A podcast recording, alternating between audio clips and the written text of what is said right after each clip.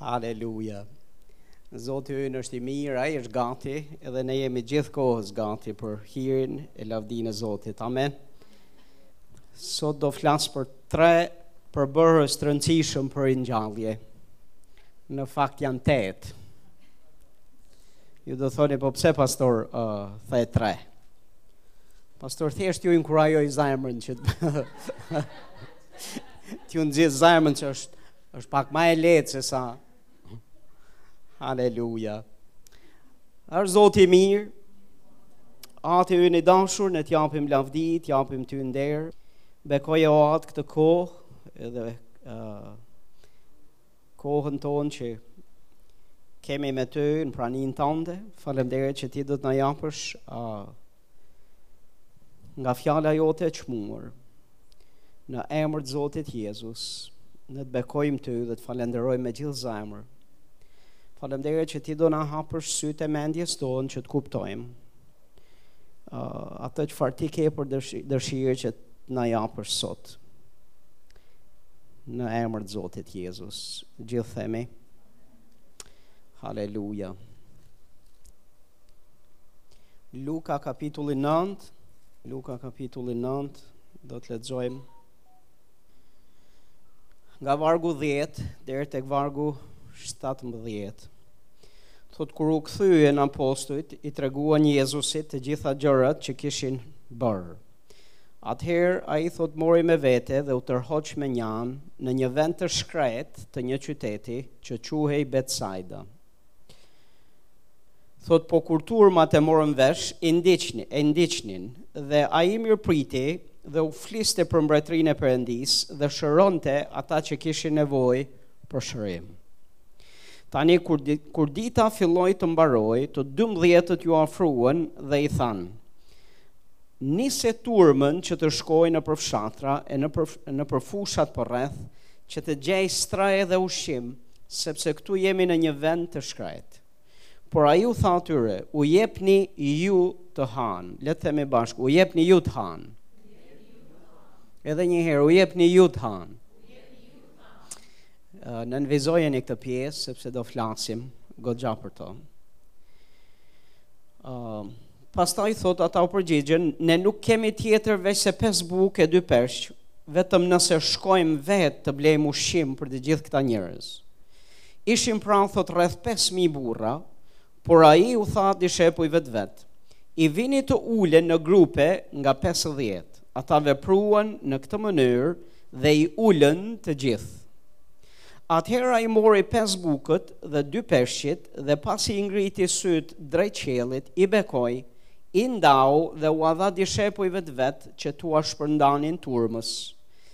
Vargu 17 thotë dhe të gjithë hangrën e u ngopën nga copat që tepruan dhe thotë dhe copat që tepruan u mblodhën 12 shporta. Dikush thotë amen. Tani kjo është një ngjarje e mbinatyrshme, është një mrekulli shumimi i bukëve. Uh, është shumimi i bukëve është uh, një vepër e mbinatyrshme e Zotit që i ngjan shumë rizgjimit dhe ringjalljes që Zoti dëshiron të sjellë, e dëshiron të kryejë e të bëjë përmes kishës. Dhe te kjo histori shikoj tetë gjëra, tetë përbërës shumë të rëndësishëm që i duhen kishës Zotit, në mënyrë që kisha e Zotit të shohë mrekullinë e bekimit Zotit për të sjellë rizgjim në këtë komb e rizgjim përtej këtij kombi. Perëndia na pregatit, na trajnon për atë çfarë ka përpara. Ai jo vetëm që na thotë se ku jemi duke shkuar, po gjithashtu ai edhe na mëson dhe na tregon rrugën dhe hapat që ne duhet të marrim. Na trajnon në mënyrën se si duhet të uh, sillemi. Dhe përpara se të bëjmë një hap më përpara, ai merret njëherë me mënyrën se si ne mendojmë, dhe mënyrën se si ne gjykojmë ecjen tonë dhe progresin tonë drejt asaj thirrje që Zoti ka për kishën, që ka për ne, që ka për kishën tonë. Dhe janë një tetë gjëra të cilat dua që t'i ndaj sot me ju nga këto shkrime, në mënyrë që të bëhen pjesë e jona. Në mënyrë që ne të mendojmë ashtu si Perëndia mendon, në mënyrë që të shohim atë çfarë Perëndia do që të bëhet prej kësaj kishe. Haleluja. Çfarë ne shohim këtu? Është gjëja e parë që shohim që Jezusi thotë, është mbasi shikon një turmë që janë 5000 njerëz, 5000 burra pa gratë dhe fëmijët. E njëjta histori ju e gjeni edhe tek ungjijtë e tjerë. Dhe secili nga ata që shkroi këtë histori tregon dhe shton disa detaje që janë me shumë peshë.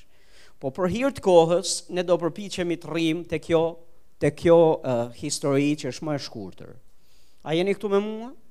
Çfarë ne shohim? Ne shohim këtë turmë që është e lodhur, shohim këtë turmë që është në nevojë, të uritur dhe që ka nevojë për ushqim, ka nevojë për bukë.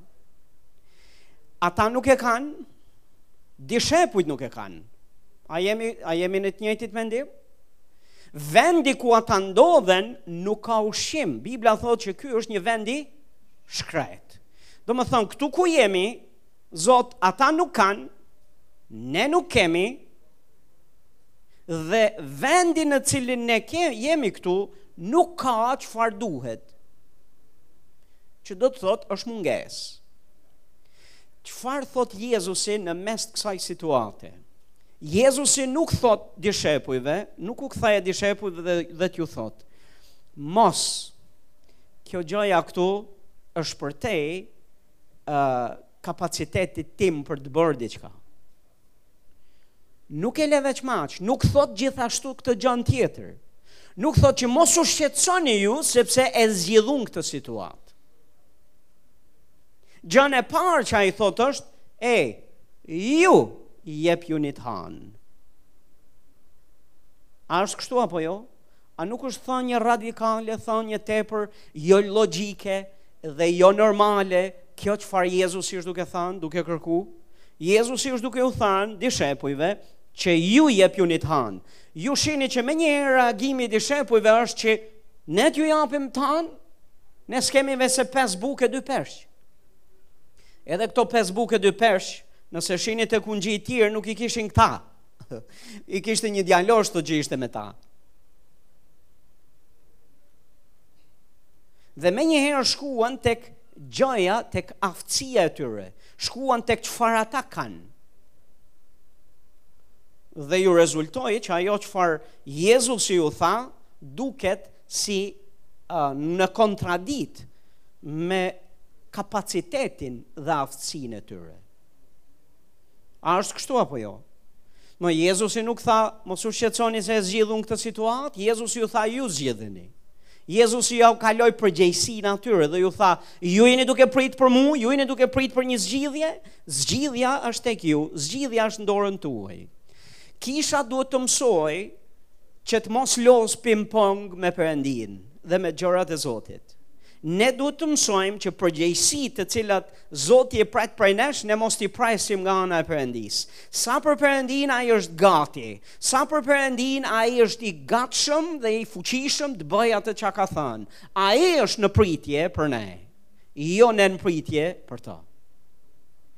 Dhe një minutë ma para që ne e bëjmë këtë ndryshim dhe marrim kuptim të kësaj të vërtete, kjo do të na çlirojë ne dhe do shohim të vërtetën në sy dhe do shohim te vetja në vend që të shohim nga Zoti. Sepse Zoti është duke parë ne. Ai ju thotë jepuni ju të hanë. Zot sill rizgjim, ju silleni rizgjimin. Zot shërime, ju shkoni dhe shëroni. Ju shkoni dhe shërbeni. Ju shkoni dhe mbillni kisha, ju shkoni dhe ktheni përmbys kombin. Ju shkoni e ndryshoni kombin. Ju shkoni.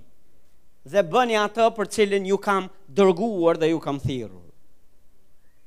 Po si Zot ta bëjmë ne kur jemi një grusht njerëz? Si Zot ta bëjmë ne kur nuk kemi? Si Zot ta bëjmë ne? Për këtë do të flasim. Po mesazhi e fjala e Zotit për ne është që Zoti është duke kërkuar që kisha të lëvizë, që kisha të bëjë hapa, që kisha të shkojë, që kisha të çojë rizgjimin atje ku duhet të shkojë.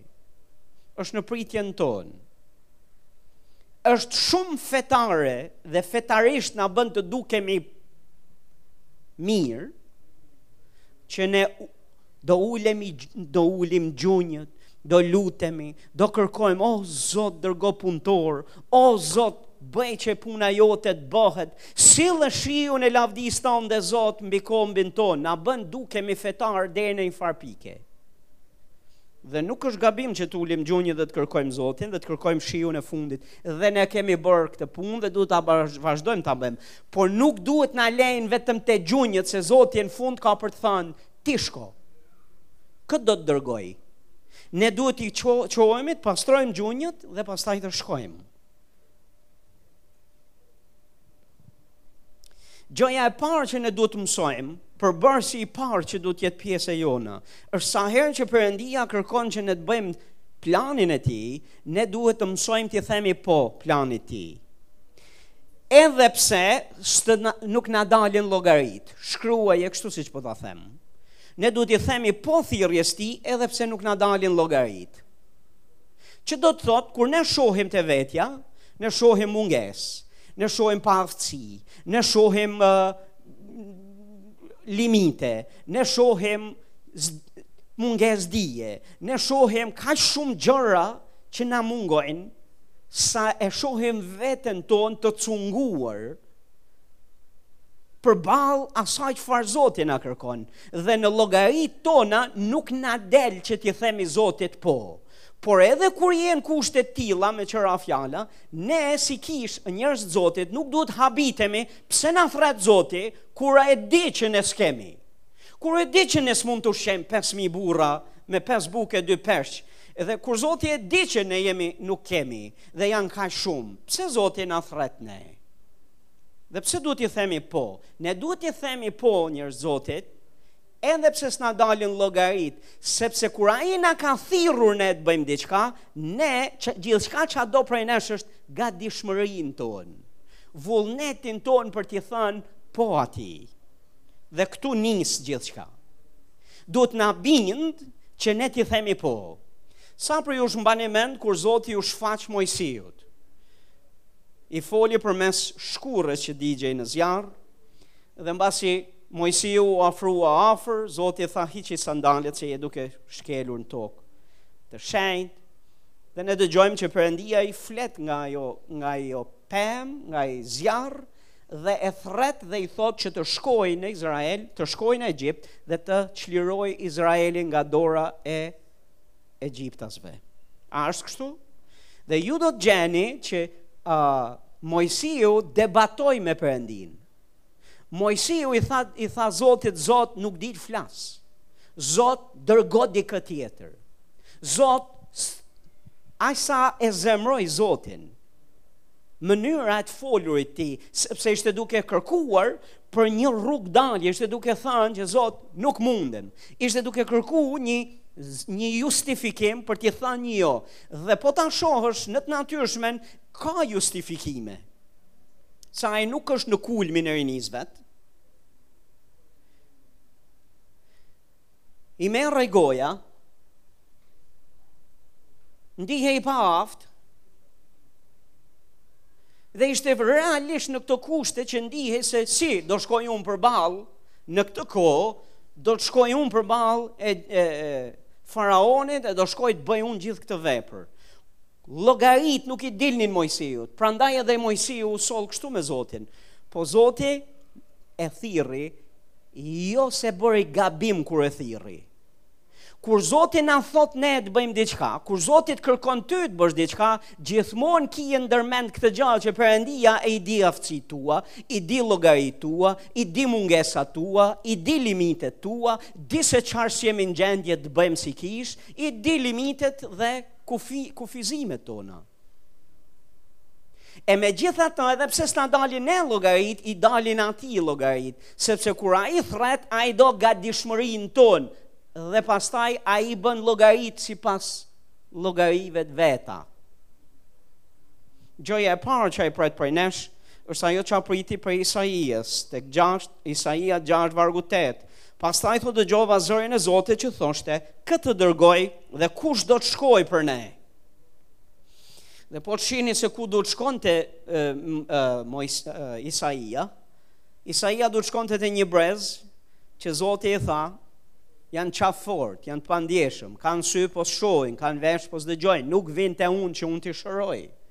Shko dhe ti folu dhe kur t'u flasësh ti, Dhe atyre, atyre do ju, veçse do ju mbyllen më shumë sytë, do ju mbyllen më shumë veshët, do ju ngurtësohet më shumë uh, qafa dhe zemra e tyre.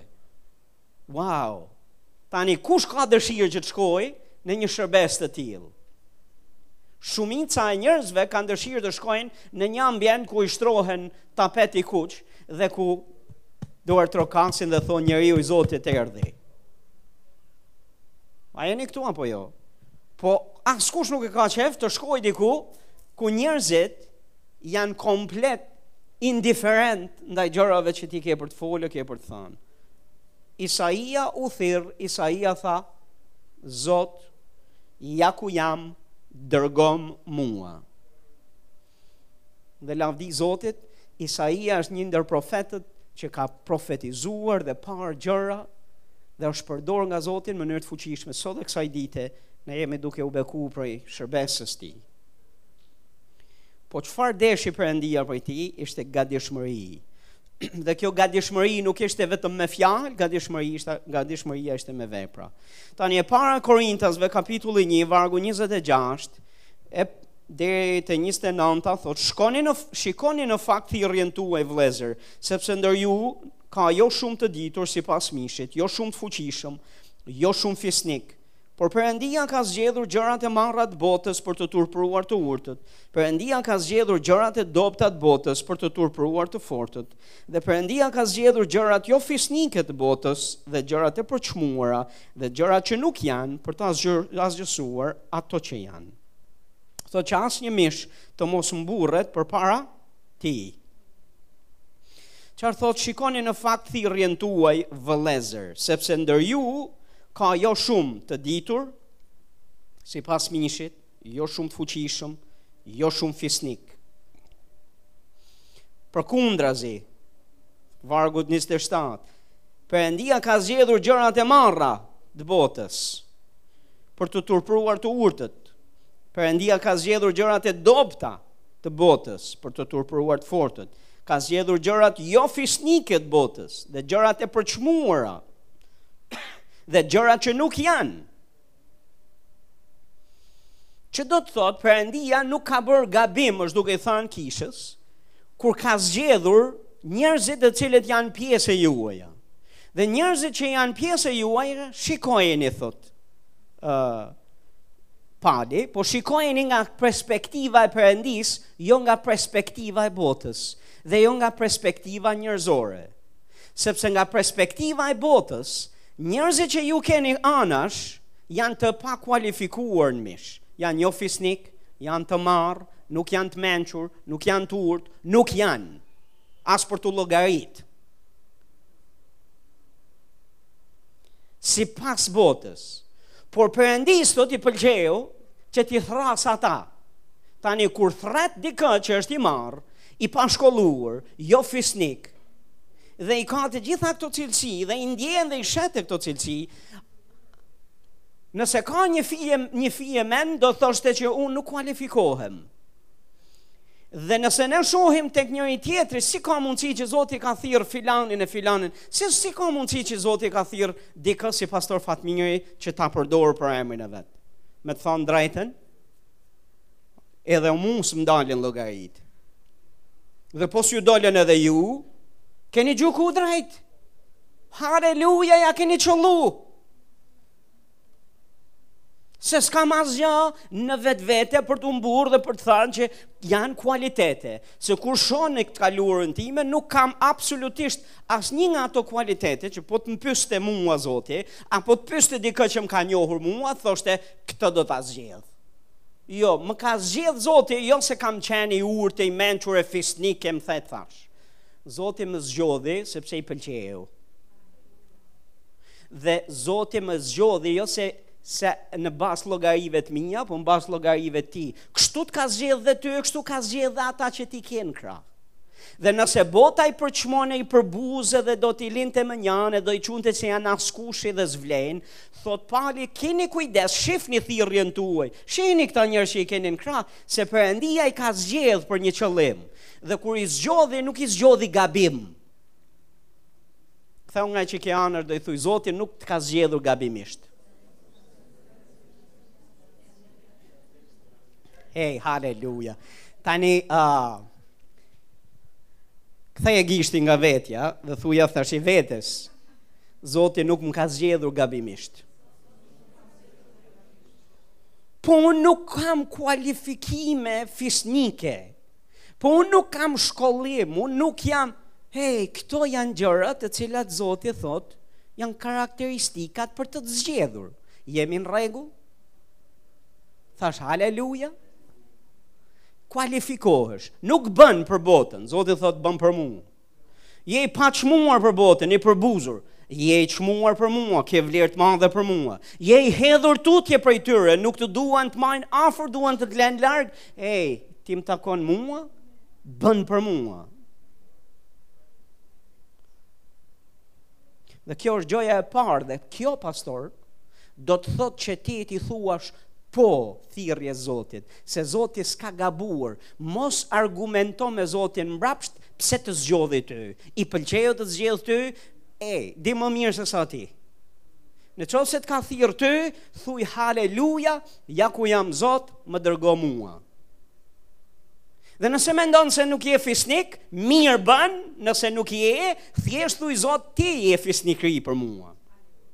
Nëse je i paditur, thuj haleluja, Zot ti je dituria ime. Nëse ti ke probleme dhe dobësi e mungesa, Zot ti je dituria ime, ti je plotësia ime, ti je shenjtërim për mua. Sepse Krishti në fakt është gjithçka që kemi nevojë dhe ai ka zgjedhur kështu. Gjëja e parë, pastor, për bërë si parë për të për t'u përdorë fuqishëm nga Zoti, një kishë apo një individ, a një grup besimtarësh ka rëndësi të përqafojë mendësinë e Zotit, të lëmë justifikimet për të mos i thënë po Zotit. Po të ka thirrur, thuaj po. Kur them thuaj po, thuaj me gojë dhe thuaj me zemër dhe vëre veten në dispozicion. Ji i gatshëm që të ecësh me to. Dikush thot amen. Çfarë tha Zoti Jezus? Ju, tha, ju jepuni ju të hanë. Çfarë ishte duke bërë? Po i thërriste dishepujt që ata të ishin të gatshëm për t'iu bindë atij. Të ishin të gatshëm për të bërë veprën e Zotit. Këtë po kërkonte Jezusi. Amen. Po s'ka, s'kemi, prit se do shohim. Ai asnjëherë, le të shohim, gjënë e dytë që ke nevojë të, të, të mësosh. Beso se ti ke çdo gja që të duhet për të bërë atë që Perëndia të kërkon.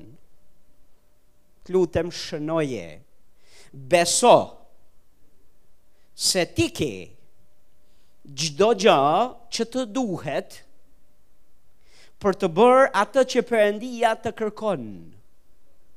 Perëndia do ishte i padrejtë të të kërkojë ty dhe mua të bëjmë një gja që ne nuk e kemi aftësinë, kapacitetin për ta bërë, që nuk e bëjmë dot. Në qoftë se Perëndia thotë fal, do të thotë që ti mundesh. Nëse thotë që ti duaji armiqtë e tu, do të thotë që ti mundesh.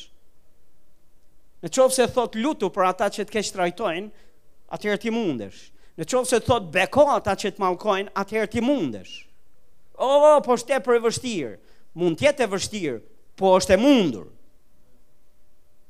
është e pamundur për njerëzit e botës, për njerëzit që s'kanë natyrën e Perëndisë, po është e mundur për, për ne, Dhe ky është standard shumë i lartë, po është standard shumë i lartë, por Perëndia ka vendos në ne, gjithçka që ne na duhet, që ta jetojmë këtë standard jete. Duaji vëllezërit, duani njëri-tjetrin. O, oh, po kjo është, unë dua vetëm ata vëllezër që më pëlqejnë mua, dhe që më duan mua, dhe që më ecën muhabeti mua. Jo, duajni të gjithë vëllezërit, nëse vëllezër janë gjithë ata të cilët janë uh, djem edhe vajza,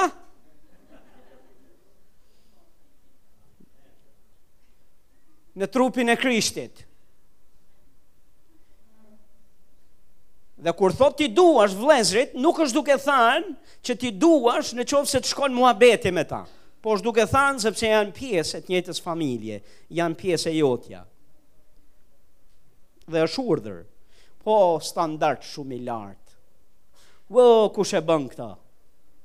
Zoti thotë gjithashtu mos mëkatoni. Në ata që janë lindur nga Perëndia thotë nuk mëkatojnë. Gjithkush që është lindur nga Perëndia nuk mëkaton, që do të thotë nuk e ka dëshirën për e mëkatit, nuk është I dhënë, nuk e ka atë natyrë më që ta dojë mëkatin. Pastor, tundimet janë shumë të mdhaja. Pastor, djalli ka qenë mbas meje. Pastor, do të jetë dhe para teje. Dhe kur del para dhe mbrapa, Bibla thotë që ty të është dhënë pushteti për të shkelë mbi to. Të lutem ngreji kambët që për këtë i ki, përdori. dhe mos bjer pre e tundimeve. Ok, sepse ti dhe unë nuk kemi justifikim për të mos jetuar të shenjtë, për të mos më jetuar të pastër, për të mos jetuar simbas standardeve të Zotit. Kur ai na ka thirrë të jetojmë një, në një standard, ne mundemi. Ti ke gjithçka në ty, për të bërë atë që ai të ka thirrë ty të bësh. Për atë standard jete apo çdo gjë që na kërkon, ne kemi gjërat të cilat janë të nevojshme për t'ia dalë. Ndryshe, do ishte i padrejtë Perëndia të na kërkojë llogari për gjëra të cilat ne nuk i bëjmë dot se jemi njerëz Zot. Ti do ta kuptosh Zot se ne jemi njerëz. Zoti e ka kuptuar që jemi njerëz, Po jemi të veçantë, thotë Bibla. Jemi njerëz të veçantë, jemi popull i veçantë. Priftëri mbretërore, kështu ai na ka bërë. Na ka pastruar me gjakun e tij, na ka dhënë frymën e tij dhe na ka dhënë fjalën, na ka dhënë gjithçka dhe po tundimet pastor janë shumë të mëdha, pastor. Më lër të të shpjegoj, tundimet nuk janë më të mëdha se tundimet, u jetojmë në kohët e fundit pastor. Pastor, tundimet e kohëve të fundit pastor. Pastor, tundimet e kohëve të fundit pastor nuk janë më të vogla as më të mëdha se sa tundimet e kohëve të mahershme pastor, që kanë kaluar shenjtorë para nesh. Sepse shkrimi thotë, asnjë tundim nuk është jo njerëzor dhe gjithashtu thotë Nuk lejon Perëndia që të vijë një tundim përtej forcave tuaja. Që do të thotë, s'kemi justifikim nëse biem në tundim. Djalli Zot, jo djalli Zot, jo, ti. Çdo gja për cilën Zoti na ka thirrë, ne kemi kapacitetin për ta bërë. Dikush thotë amen? Më leni t'ju lexoj nja ca vargje që janë me shumë peshë. Efesianët 1:3 thotë i bekuar qoftë Perëndia ati i Zotit tonë Jezus Krisht, i cili do të na bekojë një ditë kur të shkojmë në qiell me çdo bekim frymëror kur të shohim vendet qiellore në Krishtin. A kështu e keni në Bibël? I bekuar qofë Perëndia e keni nxjerrë gabim. Ati i Zotit tonë Jezus Krishtit që na bekoi, nënvizoje, na ka bekuar, tashmë është e kryer. E, për ne që jemi fisnikë nga gjuha, është e kryer e mbaruar. Është kjo kohë. A e dini në gjuhën shqipe e kryer, e kryer e thjeshtë, nuk jemi aq të thjeshtë ne. Jemi më është e kryer e përfunduar. E kryer e kopsitur mirë, e mbaruar, e përfunduar, e thjeshtuar për gjithë ne. Ka mbaruar. Na bekoi thotë me çdo bekim frymor në vendet qiellore në Krishtin Jezus. Ça do të thotë? Do të thotë që ti je i Ti je i Ti je e Kur Fakt i kryer i përfunduar, i mbaruar, i mirëkopsitur, i thjeshtuar. Tashmë thotë i be e vetmja gjë që të ka ngel është për me thënë, o i bekuar qoftë Perëndia i Atit tim Zotit Jezus Krisht. Që më ka bekuar. Po nuk e ndjej pastor. Pastor, nuk du t'ia di për ndjenjat e tua, pastor. Është fakt. Fakti është që ti je i bekuar. Në Krishtin, ti je i bekuar dhe thotë na bekoi me disa bekime. Me çdo bekim, që do të thotë ty s'të mungon asnjë prej bekimeve të Zotit që do të thotë çdo gjë të cilin ti ke nevojë, ai ta ka dhënë tashmë që ti të bësh vullnetin e planin e tij dhe të jetosh sipas standardeve të tij dhe të bësh ça të kërkon ty. Ti e ke. Amen.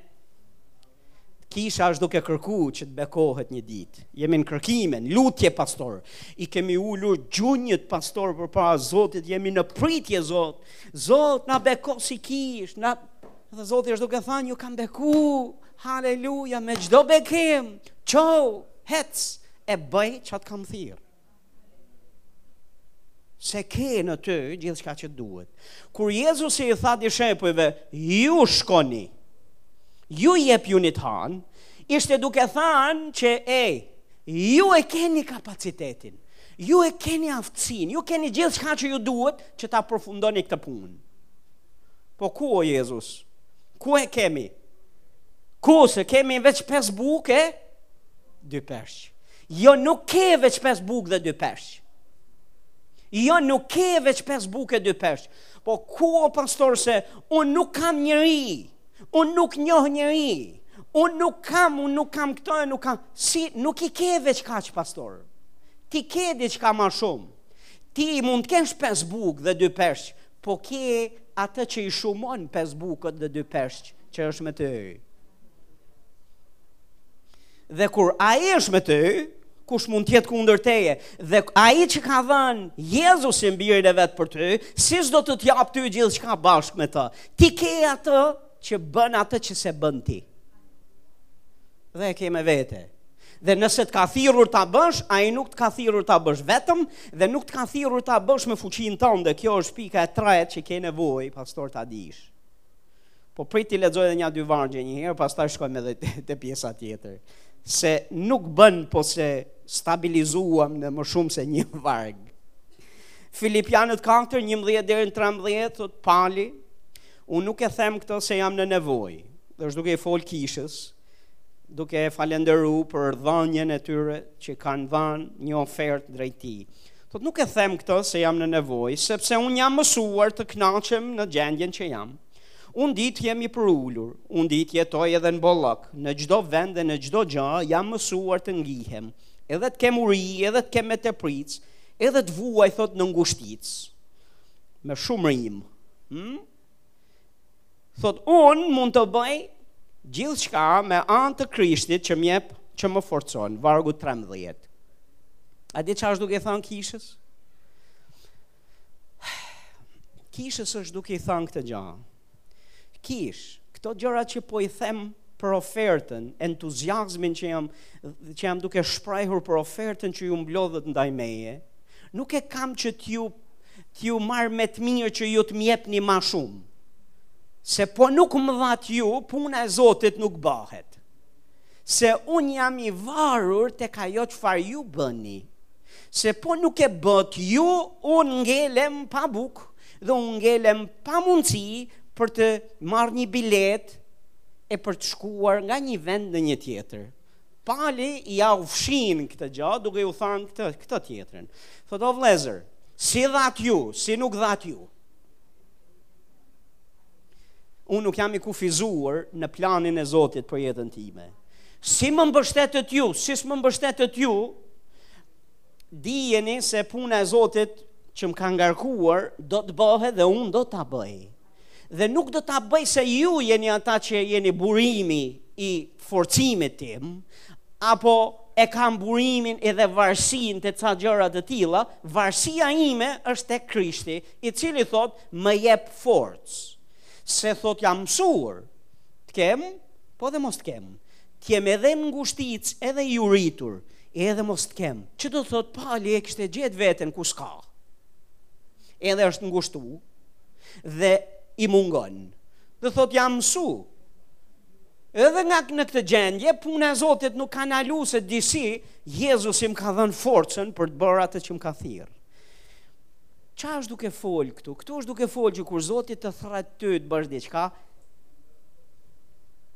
Krishti është forca jote, është burimi yt.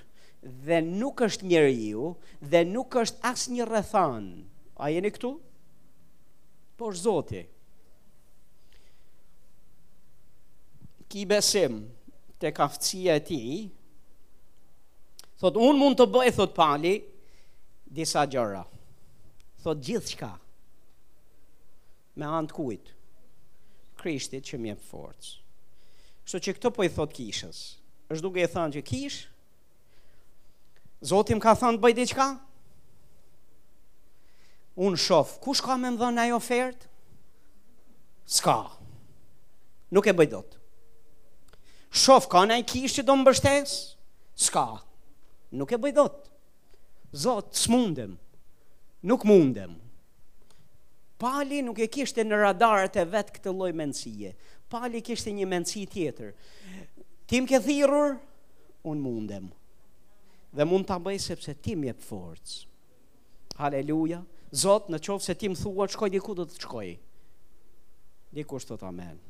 Dhe më le të të shpjegoj një gja. Do ketë plot raste njerëz të Zotit që mund të mungojnë gjëra deri në minutë të fundit. Deri kur ti Ti ke bërë hapa në mungesë, në shtrëngim, në pa bukë, pa ujë, nuk e di kush se ça jete kalu ti. Po i bën hapat, edhe kjo në vetvete është forcë. Amen. Nuk e di si predikova me barkun bosh, po e bora. Haleluja. Edhe kjo mrekulli është.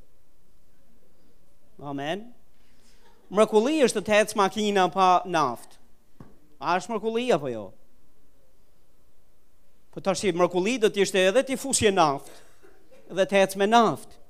Po kur s'ka, rëndësi ka që ti shkon te destinacioni që duhet me shku. Dikush thot amen. Pastaj, a me naftë, a pa naftë, mësohu pastor, që me anë të forcës që ai të jep, ti të shkosh.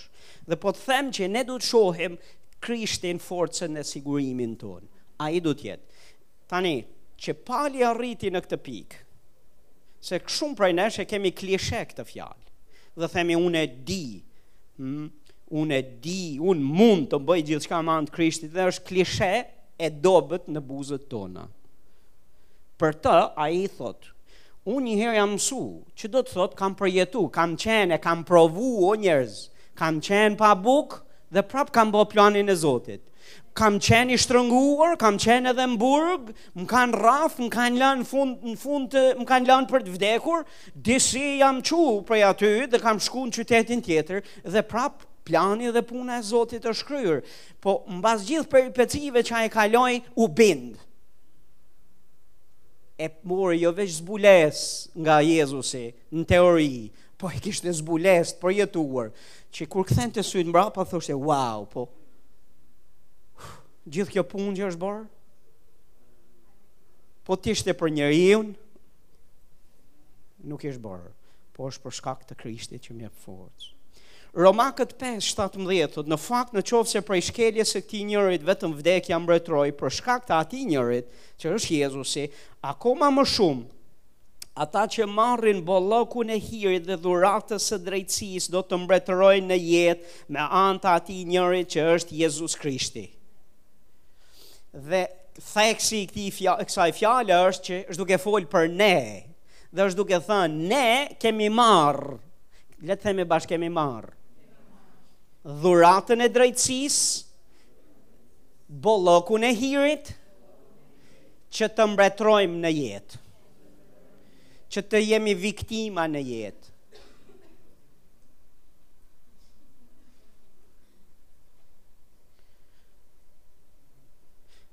A kështu është kjo shkrim? Për këtë Jezusi pagoi, këtë, ka, këtë forcë dhe këtë i ka dhënë kishës. Ah sikur të kisha? Hir, Zot, hir. E ke, pastor. Ta ka dhënë, boll, me bollëk. I drejt, Zoti, i je edhe dhuratën e drejtës, edhe drejtësinë ta ka dhënë dhuratë. Dhe do që ti të mbretrosh në jetë. Janë të dhëna, ti ke që ti të jetosh në fitore, të ka thirrur ai të jetosh në fitore, jo mbas llogarive tua të tijat. Dhe në të tijat i i i i dolën llogaritë kështu që ti të mbretrosh, ti vetë Nuk ia del dot. Se si as i drejtë, as i aftë. Atëherë ça do bëjmë? Të dha dhuratë drejtësinë dhe të dha bollëk hiri. Ti ke ç'të duhet për të bërë vullnetin e Zotit. E ke! Tani, më dëgjoni pak dhe më shifni pak këtu. Ky është një celular e prek e ndjej e shof. Dhuratën e drejtësisë nuk është kështu që ti mund ta prekësh, ta shofësh e ta ndjesh. Edhe hirin nuk e ndien, nuk e prek, nuk e sheh. Po është aty. Sepse fjala e Zotit e thotë. Ti e ke. Amen. Po nuk e shoh, nuk e ndjej, nuk e prek. E ke, sepse fjala e Zotit ta garanton që e ke në Krishtin Jezus. Amen. Haleluja, atëherë mbretro, pastor, e le justifikimet, e dil nga viktimizimi, e jeto ashtu si Zotit i pëlqen, dikush thotë amen. le të kalojmë te pika e tretë se do ngelemi deri masnesër. Ju thashë veç tre pika apo jo? Haleluja. Pika e tretë, beso tek mbështetja e mbinatyrshme e Perëndisë. Ki parasysh që kur ai të, të thërret ose të kërkon ty të bësh diçka, Ai pret që ti të bësh të bëshmen. Ai pret prej teje që ti të bësh të natyrshmen. Dhe ai do të të mbështesë me të mbinatyrshmen dhe do të bëjë të pabëshmen prej teje. Kur ai të thrret, thashë, ai të ka thirrë ty të bësh të bëshmen, atë që e bën ti, që mundesh. Të pamundurën e bën ai, të pamundshmen e bën ai. Ti bën të natyrshmen, ai bën të mbinatyrshmen. Ju jepuni të hanë. Kur Jezusi u tha, ju jepuni të hanë, çfarë ishte duke kërku Jezusi, çfarë po ju thoshte Jezusi me këto? Jezusi është duke ju thënë që ju bëni atë që mundeni. Pjesën tjetër që s'mundeni ju, e bëj unë. Ça mundeshin me bo dishepujt? Dhe çfarë bënë në fakt? Hmm? Po të shohim te historia, çfarë, çfarë ju kërkoi Jezusi që të bënin, konkretisht, praktikisht? Konkretisht, praktikisht, ju tha ça keni këtu me vete? Kemi veç 5 bukë e 2 peshq. Jezusi tha, M'i sillni këtu. Edhe kjo ishte e mundshme për ta, apo jo? Merri pesë bukë, merri në krah dhe çoja Jezusit. E mundshme? është shumë e pamundshme? Jo, është e mundshme. Mund t'ia çosh Jezusit. Dakord? Jezusi ju tha gjithashtu, bëni këto, shko e vendosini nëpër grupe, grupe, 50-she, njëqindshe, i ndani nëpër grupe. E mundshme? ishte e mundshme. Në kjo ishte gjoja që ata mund të bënin. Oke, okay, ai i ndamë, i ndamë Jezus, u, e, e kryem këtë punë. Erdhe, kur erdhën te Jezusi, e kryet këtë punë po, oke. Okay. Jezusi bëri të mbinatyrshmen, mori pesë bukët dhe dy peshqit, i bekoi dhe i shumoi.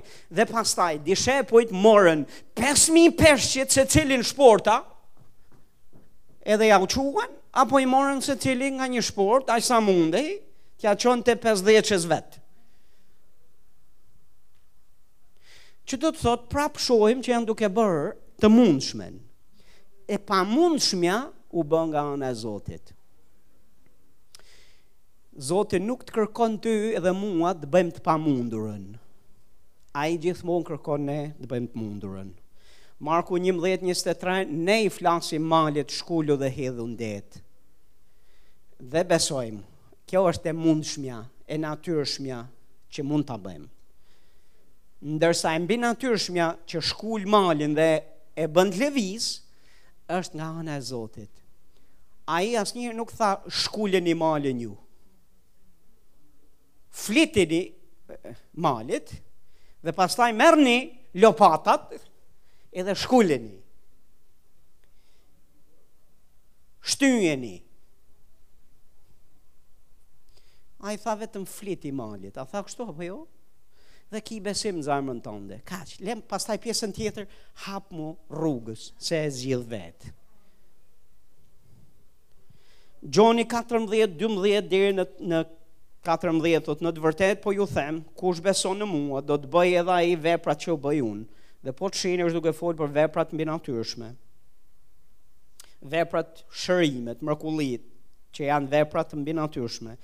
Madje thotë do të bëjë edhe më të mëdha se këto, sepse unë po shkoj tek Ati, Dhe është duke thënë në të vërtetë po ja u them për ne që besojmë. Mund t'i bëjmë këto vepra dhe duhet t'i bëjmë këto vepra. Si t'i bëj o Zot, si të bëj mrekulli se nuk di. Si të shëroj se nuk mundem. Si t'ju jap njerëzve krah si t'i ngrej të vdekurit nga varri e, e, e me radhë. Si t'i bëj unë këto se s'mundem. Prit. Vargu ma poshtë, çfarëdo që të kërkoni në emrin tim, Thotë do ta bëj unë që ati të përlëvdohet në birin. Në qoftë se do të kërkoni diçka ju në emrin tim, unë do ta bëj. Dhe ja na e tregon se si do bëhen veprat. Është duke thanë ti veç kërko. Ti kërko në emrin tim dhe unë e bëj. Ti kërko në emrin tim dhe unë do të sigurohem që të bëhet edhe të përlëvdohet ati. A është kështu? Ti bëj atë që mundesh, të bëshmen, ai bën të pabëshmen. Pika e katërt, kalojmë te pika e katërt? Pika e katërt është, çfarë ke jepe, vëre në punë për perëndinë? Ti nuk mund, ti dhe unë nuk mund të japim gjëra që s'i kemi. Po ne mund të japim atë çfarë ne kemi. Dhe në qoftë se japim atë që kemi, pastor, dhe e vëmë në duart e Zotit, perëndia do ta shumëfishojë, do ta bekojë, dhe do ta përdorë edhe për të bërë për të bërë punën e vet, po edhe për ta shumëzu, shumuar, në duart tona, që të bëhet shumë ma tepër me atë që ke sot ti që është pak, të bëhet shumë ma tepër nesër. Po shumë e rëndësishme që t'ia japim Zotit, atë që kemi dhe ta vëmë në dorë, në dorën e Zotit. Perëndia i foli Moisiut, çfarë ke në dorë? Do shkosh në Egjipt? Dhe do çlirosh popullin tim. Okej. Okej. Ça ke n'dorë? Një shkop, Zot, një shkop. Shkop bariu, kaq kishte n'dorë Moisiu. Davidi, kur ishte përballë, do shkonte në betejë me Goljathin. Sauli, mbreti Sauli, vuri në dispozicion armaturën e vet. me shpatë, me veshje, me të gjitha, i veshi Davidi dhe Davidi u mbyt nga pesha e në fund filloi të bëjë pytjen, unë do shkoj kundër Goljathit dhe do shkoj në emrin e Zotit e do të shkoj në emrin e Zotit ushtrive. Po ça do marr me veten në të natyrshme, ça do përdor unë për të vra këtë, këtë Goljath? Ndër gjërat që kërkoi, mori hoben. Dakord mori atë që ai e përdorte kur ishte me me dele. Çfarë keni, tha Jezusi, pesë bukë e dy peshq, Jezusi tha m'i sillni këtu. Pastor, kur Zoti na ka thirrë për të bërë veprën e madhe të tij, Ne si njerëz na shkon mendja, oh, nëse do kemi këtë e, do kemi atë e, të kemi gjëra të mëdha e, gjëra këtilla e, atë e këtë, kur të vinë ato, atëherë do ta bëjmë. Zoti nuk e nis kështu punën e vet. Zoti e ka, ça ke, sille. Ça ke tani, sille. Ça ke tani jepe. Ça ke tani vëre në shërbimin e Zotit. Ça ke tani në atë at, at, që është? Po ça janë pesë bukë e dy peshq o Zot? Po ça është kjo aq sa kam unë o Zot,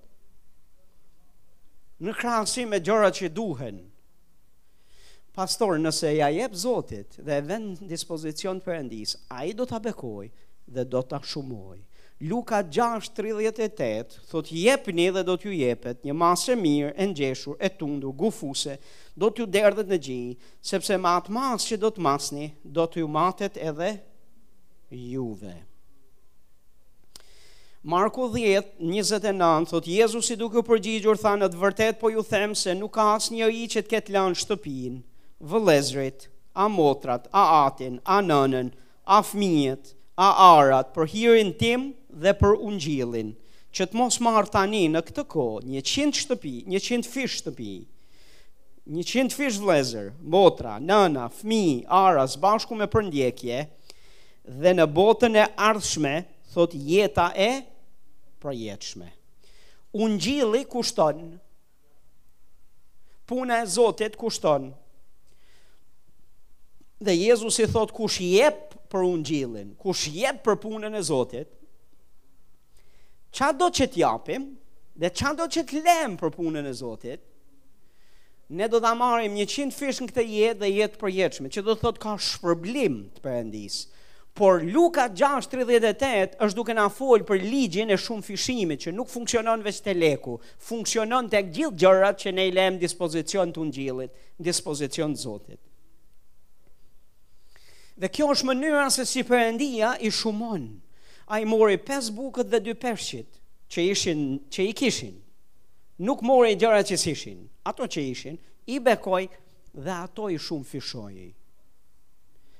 Kur ne japim Zotit, talentet që ai na ka dhanë, aftësi që ai na ka dhanë, uh, kur ne japim kohën që kemi, kur ne japim Zotit bizneset tona, kur ne japim Zotit pas gjërat që kemi, që supozohet që dikush ti prej nesh gjithsecili prej nesh në fakt të mos i dhimbset asgjë nga jeta jonë, sepse ne duhet t'i japim atij të gjithë jetën tonë.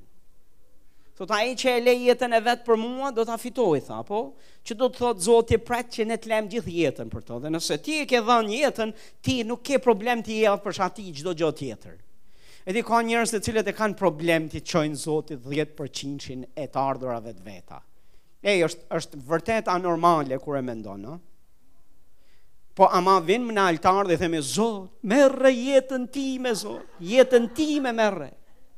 Ta dorëzoj jetën time ty Zot. Deri 9%. Dhe kur të më duhen nuk do t'i sjell. Edhe ça është dhjetë përqindshi, pastor?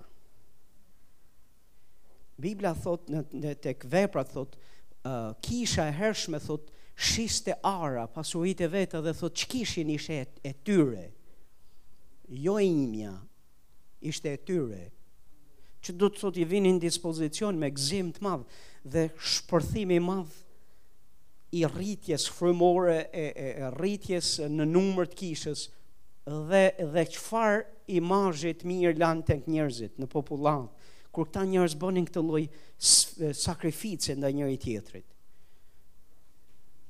A jemi këtu? Dikush këtu apo jo? Tani pastor, ti ke veç 5 buke dy peshq. 5 bukë e dy peshku jot është mundësia jote me ardh m'i dhënë dorën dikujt dhe m'i dhënë një buzëqeshje. Këtë mundesh ta bësh? Po ça është një buzëqeshje o pastor?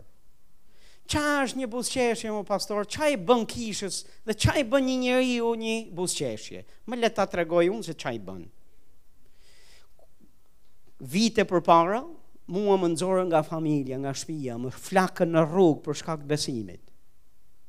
Dhe thanë, ti nuk je më fëmija ynë, ti nuk je më pjesë e familjes tonë, ik dhe le të shohim se ça bën ky Zoti Jezus për ty, sepse ne strehë e bukë t'japim ne jo Jezusi.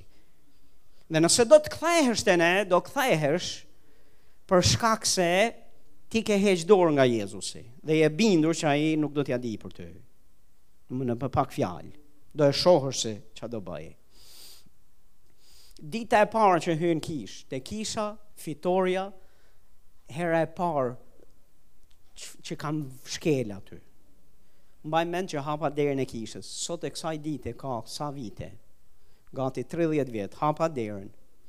Dhe mbaj mend ish drejtoreshën e shkollës Biblës, që ishte ulur në karrige, sapo më pa, kishte, ishte takimi, dhe mbaj mend ku kam shku, në, në, në Kombinat, atje kishim një, një takim. U çu n'kamë me një buzëqeshje gjigante, sinqertë, pastër. Ma dha dorën dhe tha ti je Fatmiri. Mirë se erdhe tha ne jemi lutur për ty dhe e dim se ça je duke heq në Zotin. Hyr, hyr hajde brenda. O, 30 vjet kanë shku. Po mua m'u mbollën rranjët në atë kishë dhe thashë kjo është kisha ime. Kjo është familja ime. Këtu do të rritem unë. Një buzëqeshje dhe një e përmendur me emër. Ja sa peshë ka një buzëqeshje. Dhe sot jam duke unë duke besuar dhe duke thënë, Shqipëria do të thirret me emrin e Zotit dhe do shkojmë. Dhe po shohim shenja mrekulli, më le të të shpjegoj pak, është ajo gruaja atje, që në fakt, haleluja, ka sjellë gjithë efektin këtu. Ajo buzëqeshja e thjeshtë. A e sheh se çfarë vlere ka një, ajo ça ke ti? Çoja Zotit e shumon e përdor për lavdinë e tij. Haleluja. Talentin tënd. Ti ndoshta nuk mundesh me bë shumë, po atë që di me bë, pse s'e bën? Kemi plot në kishë, plot në trupin e Krishtit kritikë. Kritikë letrarë që ulen dhe mbajnë shënime ça nuk shkon në kishë. Kjo gjëja këtu duhet bërë ma mirë, kjo gjëja duhet bërë kështu, s'e ke bërë mirë, s'bëhet mirë. Ça është kjo? Pse kjo? Pse ajo? E, nuk ka nevojë kisha për këto. Kisha ka nevojë, në qoftë se ti arrin, i thashë, i kam thanë njërit. Ju e dini se kush është njëri, njëri nuk është në asnjë kishë. Është dikushi që është jashtë kishës. Dhe i thashë një herë atij dikushit, njërit. Nuk e di se ça i thashë tani. Veç e di që ia thashë një gjë. I thashë në qoftë se ti arrin të dallosh dobësi dhe të dallosh gjëra që nuk shkojnë, do të thotë që automatikisht Perëndia të bën përgjegjës që ti të bëhesh zgjidhja. Dhe jo kritik, dhe jo ankus dhe jo ekspozus dhe jo të përflasësh nëpër edhe të tregosh se sa shumë ke, shih ti sa i aftë je ti për të parë gjëra që nuk shkojnë wow i dallove sa vështirë shumë e vështirë kjo është punë shumë e vështirë Me le të them, është më e hirshme që ti të shtrëngosh rripat dhe të thush, pastor, kjo gjoja këtu nuk shkon? A, pastor, ç'janë këto plehra këtu nëpër kishë? Ça është kjo kishë kështu gjithë plehra? Pastor, do ishte ma mirë që ti të ulesh e t'i marrësh plehrat edhe t'i çosh te koshi. A e keni vënë re që sado frymorë që jemi, nuk kam pa naherë lëvizje t'Frymës Shenjtë që ngre plehrat e i çon te koshi. Nuk kam pa një vepër të mbinatyrshme të Zotit, sot e kësaj dite, nuk kam, as nuk kam dëgjuar, që Zoti rregulloi karriget e kishës.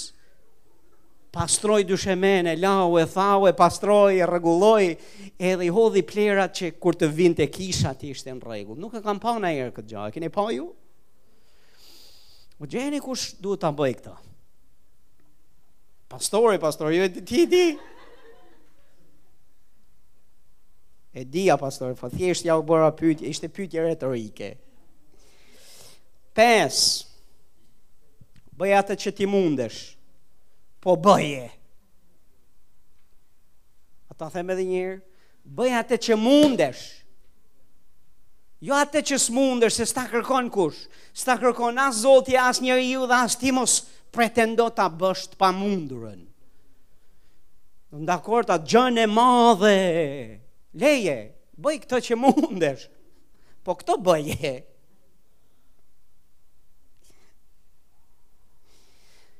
Më ka pra, nuk e di për ju, po uh, kur kishim pastor uh, Thomas, do t'ju lexoj një varg se mua më ngeli. Është nga ato vargje që më dha Më ra kështu në zemër, kështu fort. Zanafilla 2.5 thotë nuk kishte ende mbi tokë asnjë shkurre në fushë dhe asnjë bar nuk kishte mbirë ende në fushë, sepse Zoti Perëndi nuk kishte hedhur asnjë shi mbi tokën dhe nuk ekzistonte njeriu për të punuar tokën. Domethanë, nuk kishin ndodhur gjitha këto, as shi Zoti s'kishte sjell në tokë. Pse? Se s'kishte njeri që të punon. O Zot, sill shi, shiun e lavdisë tande, Zot, sille. Pse? Pse duhet me e sjell Zoti shiun e lavdisë vet? Që të mbijë toka, pastor. Zot që të ketë të korra, që hambaret e Zotit të mbushen plot e përplot me të korrat e Zotit. E kush ka me i mbledh? E kush ka me i ushqy? E kush ka me u kujdes për ta? Dhe kush ka me punu kur të bjerë shiu? Në qoftë se shiu bjen shpejt e shpejt, aq sa është mrena kohës që ne kemi mendu, pastor, ora 7 e gjys, e kemi kry. Po ra dhe në 7 e gjys, Hajt mo shtatë e tridhjetë e gjashtë. Po ra këtu dhe edhe shiu ra, edhe edhe edhe është e çuditshme. A keni vënë re që ky lavdia e Zotit shfaqet mbas predikimit gjatë e të lodhshëm të pastorit? Mbasi kemi marrë ofertën, mbasi najherë dhe këndojmë naj kangë, e themi le të ngrihemi e le të lutemi ca n' gjuhë të reja, e kur jemi pak pa u sfilit edhe kemi vënë re që vjen lavdia e Zotit. Nuk e di Zoti që do të vijë ma herët. Shumë e çuditshme që vjen në atë kohë.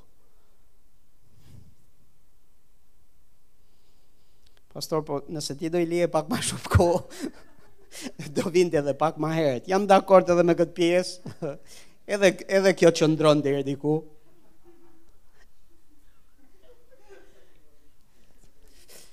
Haleluja, po unë besoj, unë besoj me gjithë zemër që ne duhet t'i bëjmë Zotit, t'i japim hapësirë, dhe të jemi të gatshëm për të punuar, të bëjmë punën. Po të shohësh në të gjithë Biblën, ku Zoti zgjodhi njerëz të cilët do punonin për punën e tij, ai gjithmonë zgjodhi njerëz punëtorë. Njerëz që ishin në punë. Dakor, peshkatar, po ishin peshkatar që kishin mundu gjithë natën duke kërku, nuk zunë asgjë, pastor, po nuk zunë asgjë, ishin peshkatar, po nuk zunë asgjë, u munduan gjithë natën, po në fund u munduan gjithë natën, ti ça je duke ba. Unë po flija gjithë natën. Ata po punonin gjithë natën. Edhe ishin herët në mëngjes, Jezusi ishte aty në breg. Edhe ata herët në mëngjes ishin te pi kafen e mëngjesit. Të mendohen njëherë se ça do bëjnë ne gjatë ditës. Jo, Bibla thotë i gjeti duke mbledh rrjetat. Dhe mbas gjithë kësaj ju kërkoi edhe varkën. A është kështu apo jo? Dhe mbasi maroi punën e vet Zoti, duket sikur është s'do t'ja di fare për lodhjen e tyre, ju thotë tani shkoni, hidhni rrjetat në të thella. Po këta njerëz që të cilët ishin aty, ishin punëtorë. Ishin punëtorë, pastor. Thanë jemi mundu gjithë natën, por për fjalën tënde, do shkojmë t'i hedhim rrjetat, dhe shkuan i hodhën rrjetat, ishin nuk ju mungonte zelli dhe puna, dhe mundësia për të punu. Dhe Zoti tha, këta, këta një, këta lloj njerëzish unë mund t'i përdor. Dhe ju do të gjeni që njerëz që janë punëtorë e të zellshëm, pastor dhe në të natyrshmen, ata janë të zellshëm edhe për gjërat frymore, janë dhe punëtorë për gjërat frymore. Ne jemi pastorë dhe e dimë. Ka njerëz të cilëve ne ju besojmë disa gjëra, ka njerëz që s'u besojmë dot asgjë.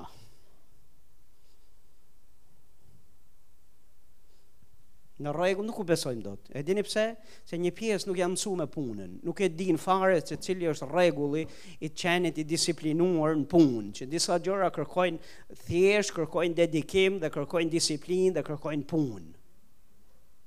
Tani kur i dëgjon thua wow, gjithë këto cilësi frymërore dhe gjithë këto me dituri hyjnore që ka, po në fund kur vjen puna me zgjedh dika që të bëj punën, gjithmonë shkojmë te njerëz të cilët bëjnë ça thonë. Dhe mund të kenë edhe mungesë dhe mund të mungojnë ma shumë njohuri se sa dikujt tjetër, por në fund të ditës e dimë që kur duhet bo puna, duhet me shku te ata që punojnë. Zoti vetë thotë nuk derdhi shiun dhe nuk mbiu asgjë sepse s'ishte njeriu që të punojë. Dhe kur Zoti e bëri të punojë, atëherë erdhi shiu. Romakët gjashtëmbëdhjetë dymbëdhjetë, thotë, U bënit fala Trif, Trifenës dhe Trifozës dhe Tifozës, të cilat, thotë, mundohen në Zotin. është Romakët gjashtëmbëdhjetë dymbëdhjetë, lutem, ja vlen me i pas në ekran. Thotë, u bënit fala, janë motra këto. Dakord? të cilat thot mund mundohen në Zotin. Të fala thot edhe Persidës, së dashur. Edhe kjo është motër. Shini gjeni naj vëlla aty? Merreni lopatën, gërmoni pak. Ka naj vëlla aty? Heu, nuk ka. Edhe për këtë thot fala edhe Persidës së dashur, e cila është munduar shumë në Zotin. Të treja këto motra kanë një gjë të përbashkët. Çfarë të përbashkëte? Jan mu janë motra. Bravo. Haleluja, janë motra. Edhe janë të dashura. Edhe këtë e kanë përbashkët. Po ka një të përbashkët tjetër, thot munduan, u munduan. Puna e Zotit kërkon mund. Puna e Zotit kërkon mund. Jo fjalë mund. Pun. E para Korintasve 15:10, që mos t'ju lëshoj zemrat vëllezërit. Vargu 10 thot me hirin e Perëndisë thot jam ai që jam dhe hiri i tij ndaj meje nuk qe kot. Madje jam mundu, u oh, thashë se kemi naj vlla këtu, po edhe këtu është duke fol për veten. Thot këtë gjë, thot, uh, madje jam munduar më shumë se të gjithë të tjerët. Jo unë thot, por hiri i Perëndisë që është me mua. Pali është duke folë për shërbesën, dhe është duke folë që është me hirin e Zotit, duke bërë shërbesën e tij, por në fund, thot, jam munduar. A e vini re, a e keni këshu në Bibel, jo apo jo, që do thot, ka punu fort. Shërbesa e Zotit kërkon punë. Bëje punën që mundesh, po bëje,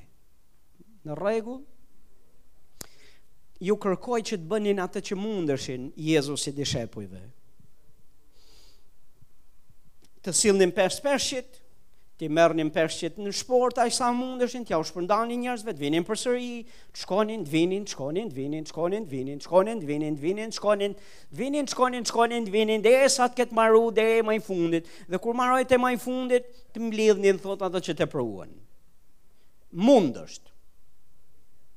Dhe dikush duhet ta bënte që të mund të kishim këtë mrekulli dhe të kishim gjithë këtë vepër, dikush duhet ta bënte këtë vepër. Në Thumanë pastor kur ra tërmeti. Ne kemi qenë një grusht njerëz dhe një kishë shumë e vogël dhe në mungesë.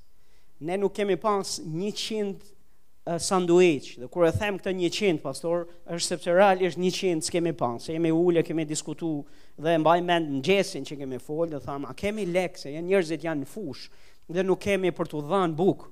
Një sanduiç t'ja u çojmë, një shishe ujë. Dhe po shihnim që nga ana e anës gjithkush ish duke ardh, ne ishim në derë, ishim aty në krah të tyre dhe s'kishim për t'u dhanë.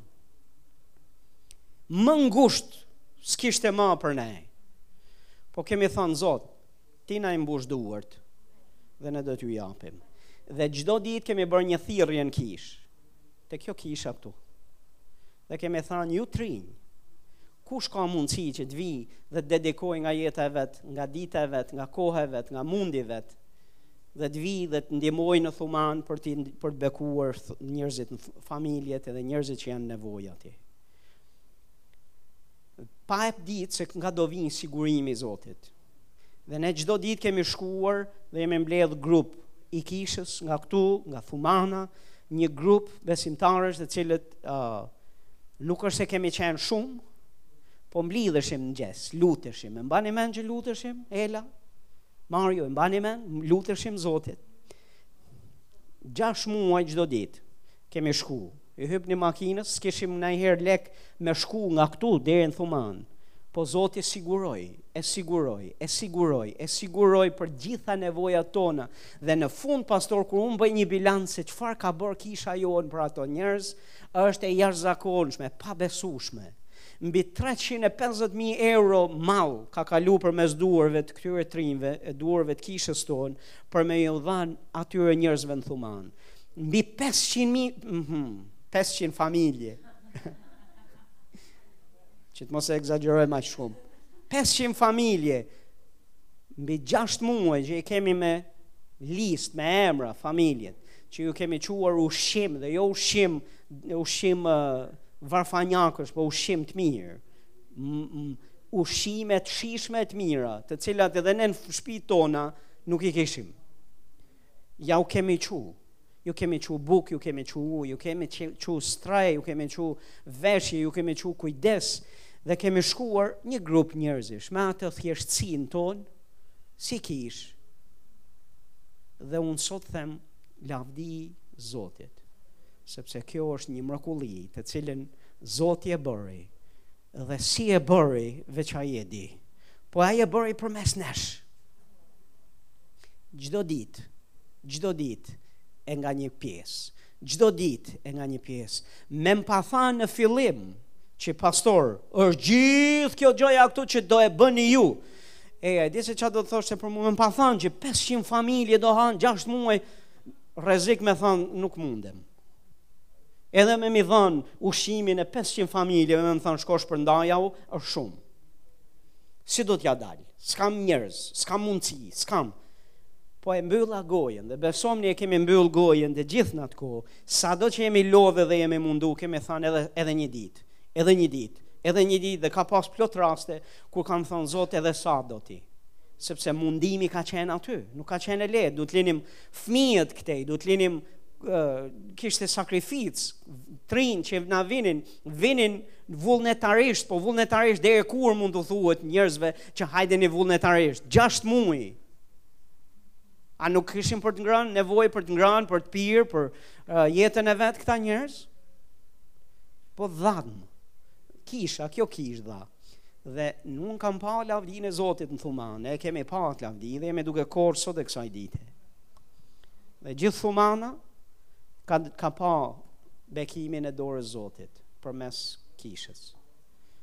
Amen, prap ma do punë. Gjashtë edhe dy tjera s'kemi ma.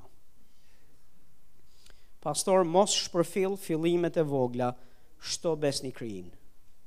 Që do të thotë, edhe një herë ta them, mos i shpërfill fillimet e vogla, shtoje besnikërinë. Tani t'gjitha këto janë karakteristika që ne duhet i kemi në vete, në, në, në zemrat tona, në mendësin tonë. Sepse është ideja që të bëjmë gjëra të mëdha. Gjëra të mëdha në Zotin bëhen nga gjërat e vogla. dhe nuk duhen shpërfillë fillimet e vogla. Zakaria 4.10 thotë, askush të mos përçmojë ditën e gjërave të vogla. Por ata të shtatë, thotë, por ata të shtatë gëzohen kur shohin plumbçen në dorën e Zorobabelit. Tani, plumbçja në dorën e Zorobabelit, përpara gjithë atij muri që duhej ndërtu, pastor, Ishte një, një gja shumë e vogël. Po kush gëzoheshin, janë shtatë. Janë shtatë sytë e Zotit, janë shtatë frymrat e Perëndisë që do jepnin fuqi dhe aftësi Zorobabelit që nga ajo gjë e vogël të bëhej gjithë ai mur gjigant në një kohë rekord.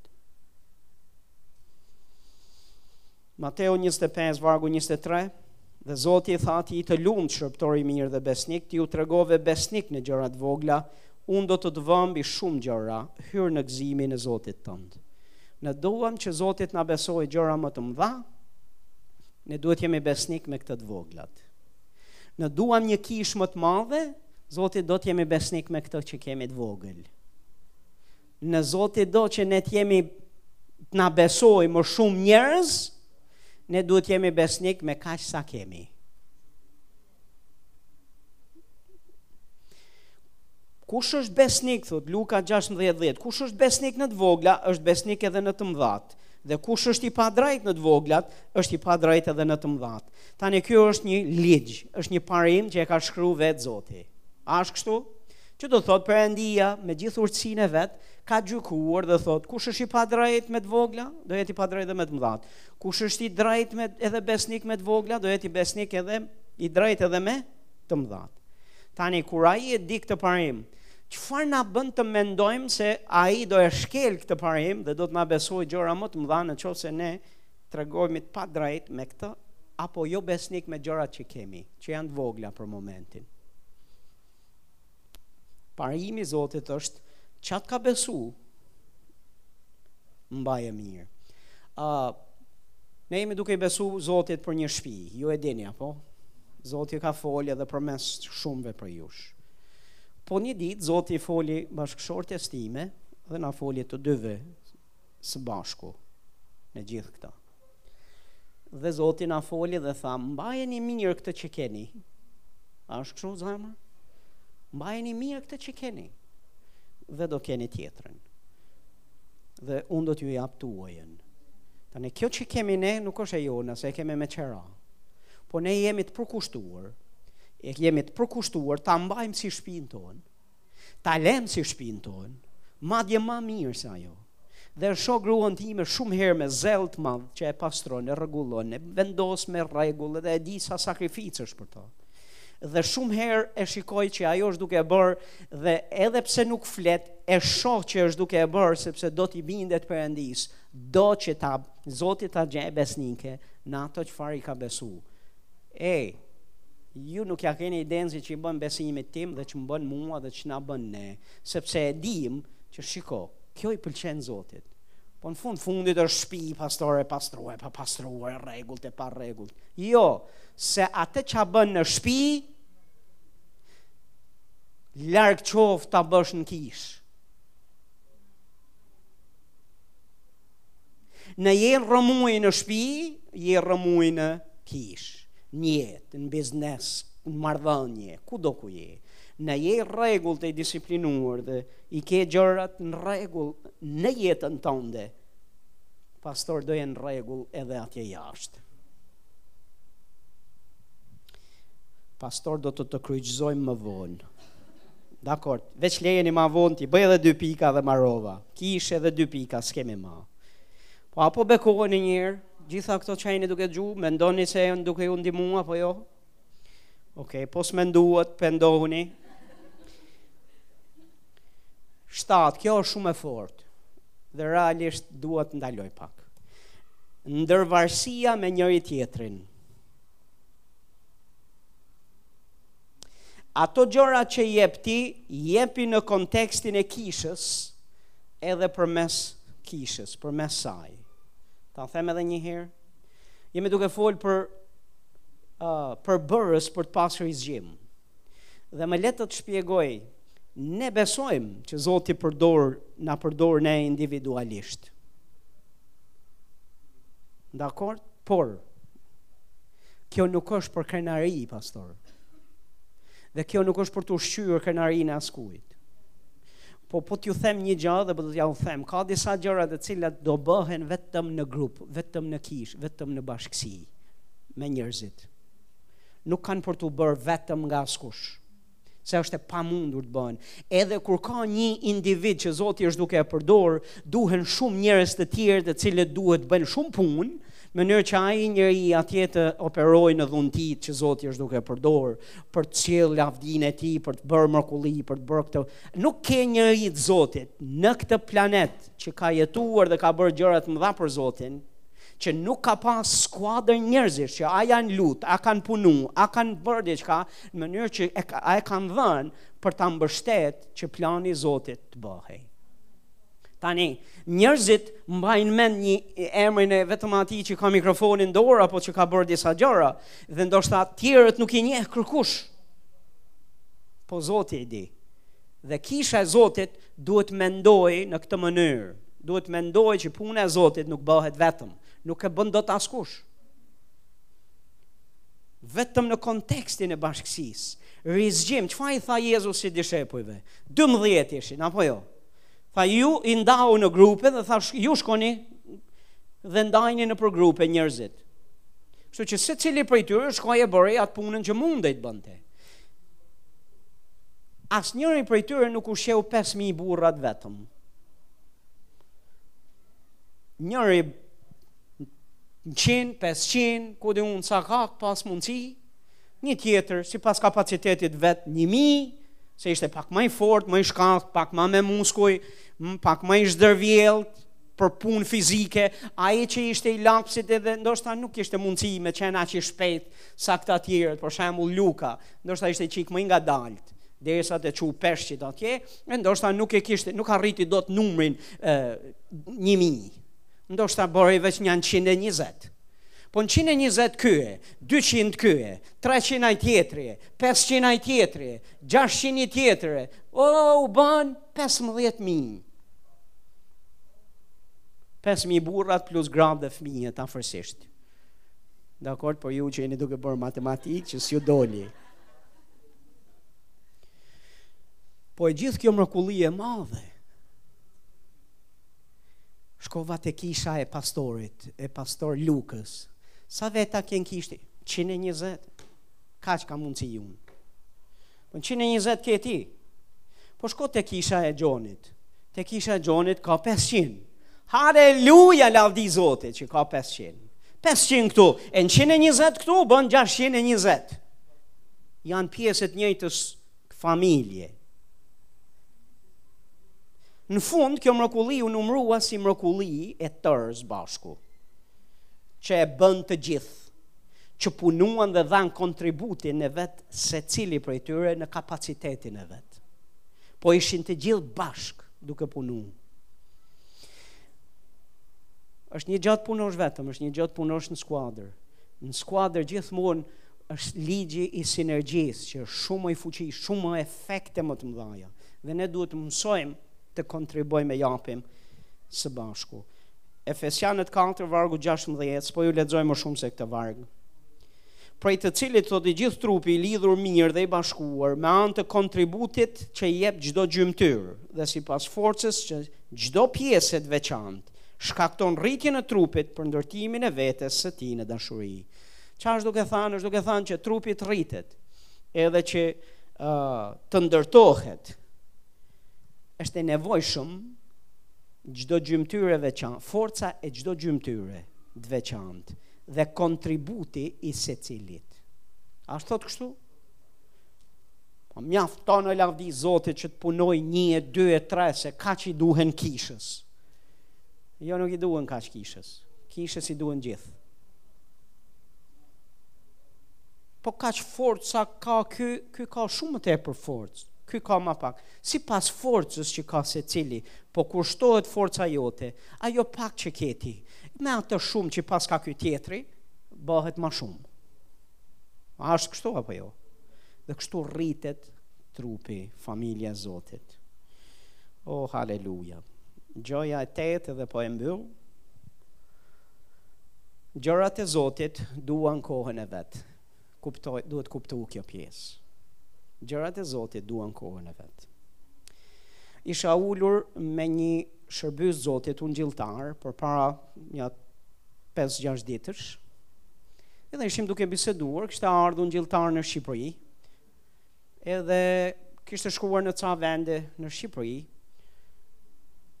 përmes pastor Thomas, që e njihte, u ulëm dhe po bisedonim, misionar, bashkë me të shoqen, bashkë me djalin e vet, Dhe në bisedë e sipër, bëmë një, një biseda shumë të mira, bëmë biseda të lëvizjes Zotit, shpëtimeve, shërimeve, mrekullive, edhe po flisnim çfarë mrekullish, le të flasim, dhe bëri një pyetje ai dhe tha, cila është mrekullia më e madhe, spektakulare që ju keni pa, që ti ke pa. Dhe secili prej nesh pat mundësinë me nda, jo një, po patëm plot për të nda dhe imaginoni domethënë, ça lavdi e Zotit ishte në tavolinë duke folë për çfarë ka bërë Zoti për njërin, ça ka pa njëri, ça ka pa tjetri, ça ka... Po, ndërkohë që po thoshte këto, ai misionar tha një gjë që më goditi, më dha një goditje të mirë. Hmm, që do ta ndaj me ju, ndoshta s'ka vlerë, po do ta ndaj me ju. Tha, e, kishte qenë me një shërbyes të Zotit, me Shambach. Sa prej jush keni dëgju për Shambach, është ungjilltar. Njeri i Zotit që ka pa lavdinë e Zotit fort. Ky burrë ka ecë, ka qenë kohët e ungjilltarëve dhe shërbyesve të viteve, ma para tij. Hmm? Njerëz, njerëz të fuqishëm të Zotit. Një prej këtyre, është uh, Amy McPherson. Është një grua e Zotit që Zoti e ka përdor fuqishëm në shenja e mrekulli, lavdinë e Zotit. Dhe ai kishte treguar një histori që kishte qenë prezent dhe kishte dëgjuar. Dhe tha, kjo grua në shërbesën e saj tha i kishte ardhur një fëmijë E kishin sjellë një fëmijë që nuk kishte një krah, nuk e kishte komplet krahun me gjithë dorë, nuk e kishte fare. Tha dhe e kishte marrë në e kishte marrë në krah atë fëmijë në shërbesë. Dhe për 45 minuta, më dëgjoni pak, 45 minuta tha e kishte mbajt në krah, ndërkohë që ishte në shërbesë. Tha dhe lutej për atë djalë, lutej për atë fëmijë. Tha mbas 45 minutave i doli krahu me gjithë dorën fëmijës dhe mori mrekullinë.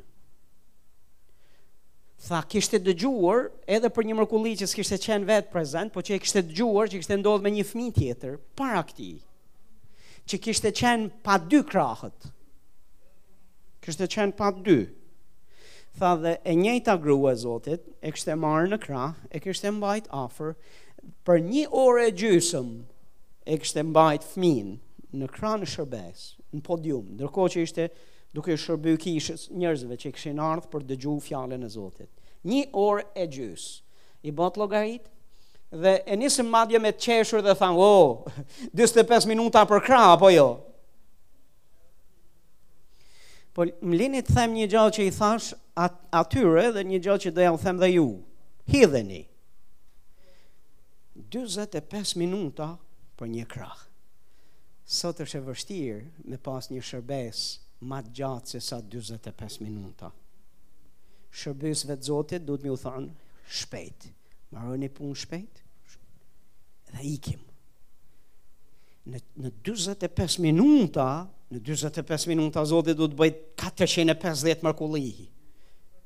Duhet t'i përshpejtojë pak Zoti gjërat, sepse duhet t'i dijë, duhet ta kuptojë shoqërinë tonë, duhet t'i kuptojë gjërat si mënyrën e mentalitetin e kohës sot meqë jetojmë në epokën e Instagramit edhe gramit edhe edhe kilogramit. Dakord, dhe Zoti duhet t'i përshpejtojë gjërat. Dhe kjo është një dhe një arsye që unë besoj që ka mungesë mrekullish, ka mungesë madhështie të kësaj natyre të këtij niveli të zotit nëpër shërbesa dhe nëpër kisha. Dhe më leni t'ju them, veç se do të pakësohen, për sa kohë mendësia e besimtarëve dhe e kishave është të shkojë drejt këtij lloj trendi. Tani pastor, nuk jam kundër, nuk jam duke thënë ta teprojmë tani edhe të flasim thjesht për të fol. Edhe thjesht kemi shërbesat të stërgjata për të pas shërbesat stërgjata. Po jam duke thënë që shërbesa dhe puna e Zotit do kohë. E, a e dini ça do të thotë 5.000 burra t'i ushqejmë? E dini sa kohë mund të ketë qenë për, për me, shër, me u shërby këtyre me e bo këtë shërbesë? Kush ma thotë? 45 minuta, mendoni? Hmm? 45 minuta? 45 minuta nuk është as me shku, veç, veç të shku, mi i bo, mi i bo që të dëgjojnë. 5.000 burra pa gratë dhe fmijt. Ej, 5.000 fmi, t'i mbledhësh dhe t'u thush, ej, 5.000 gra, t'ju thush, shh, mision i pamundur. 5000 burra t'i ulësh një minut punë ki vetëm thuju do t'ju sjellim bukë një minut i ke të ulur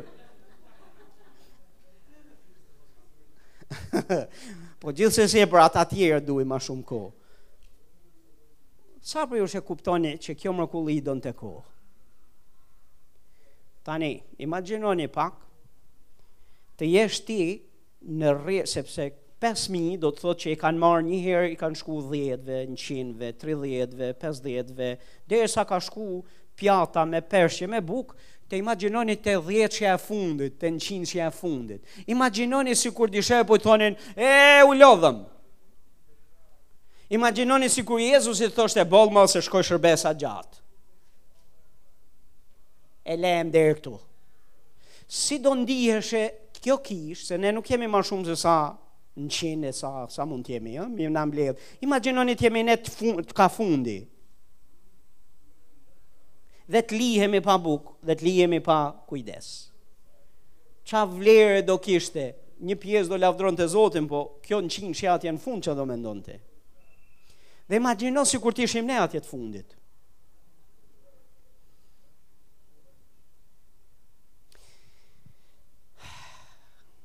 Me siguri nuk do ishim duke u anku dhe duke thanë pse po merret gjithë kjo kohë se na lodhët apo jo. Po do thonim o Zot, jepu forcë këtyre punëtorëve, jepu forcë këtyre shërbyesve, jepu forcë këtyre njerëzve që të shërbejnë. Punët e Zotit duan kohë. Uh, predikusi 3.11 thotë, ai e ka bërë të bukur çdo gja në kohën e vet.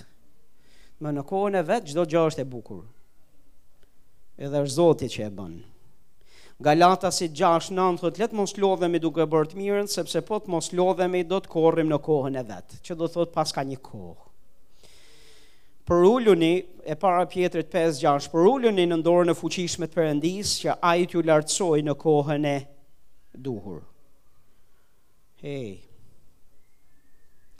Jeremia 5, 23 dhe 24. Por ky popull thotë ka një zemër kryeneçe dhe rebele. Kthehen mbrapa thotë dhe ikin. Nuk thonë në zemrën e tyre, kemi frikë nga Zoti, Perëndia ynë, që na jep shiun në kohën e duhur. I pari dhe i fundit shi që mban në javët e caktuara për kohë për korrje. Më paska kohë të caktuara, pa paska kohën e duhur edhe për shiun. Dhe ky popull thotë është kryeneç, rebel, kthehen prapa e ikin, që do të thotë nuk i japin Zotit kohë. Nuk i japin Zotit kohën e vet që ai të derdh shiun, se sa bëhet gati Zoti me derdh shiun, ne kemi punët tona. Ne duhet të ikim. Puna e Zotit ka kohën e vet. Dhe kisha e Zotit unë besoj, ne duhet të mësojmë t'i bëjmë Zotit kohë. Është një rizgjim që po ndodh tani diku në Amerikë në një në një universitet. Mm, ka ndalu tani, okay. Po, ndodhi para ca kohësh. Shkuan për lutje dhe nuk pushoi ditën natën, ditën natën, ditën natën, shkonin njerëz që që luteshin e luteshin dhe u quajt rizgjim dhe pati shpërthime, njerëz u shpëtuan dhe pati një impakt te njerëzit. Po në fund ditës ishte ky lloj procesi që s'ndalonte dot. Ka disa gjëra që duan kohë. Në kohët e hershme para para kohëve tona, shërbyes si Kenneth Hagin, shërbyes që kanë shpërnda lavdinë e Zotit, ku kanë shku, takimet e tyre ishin minimumi dy javë, që ishin dy javë ringjallje. Dhe do shkonin në një kishë, do shkonin në një vend dhe do kamponin rrinin dy javë atje, dhe dy javë do mësonin e do shërbenin e do kujdeseshin për njerëzit, dhe pastaj vinin veprat e Zotit.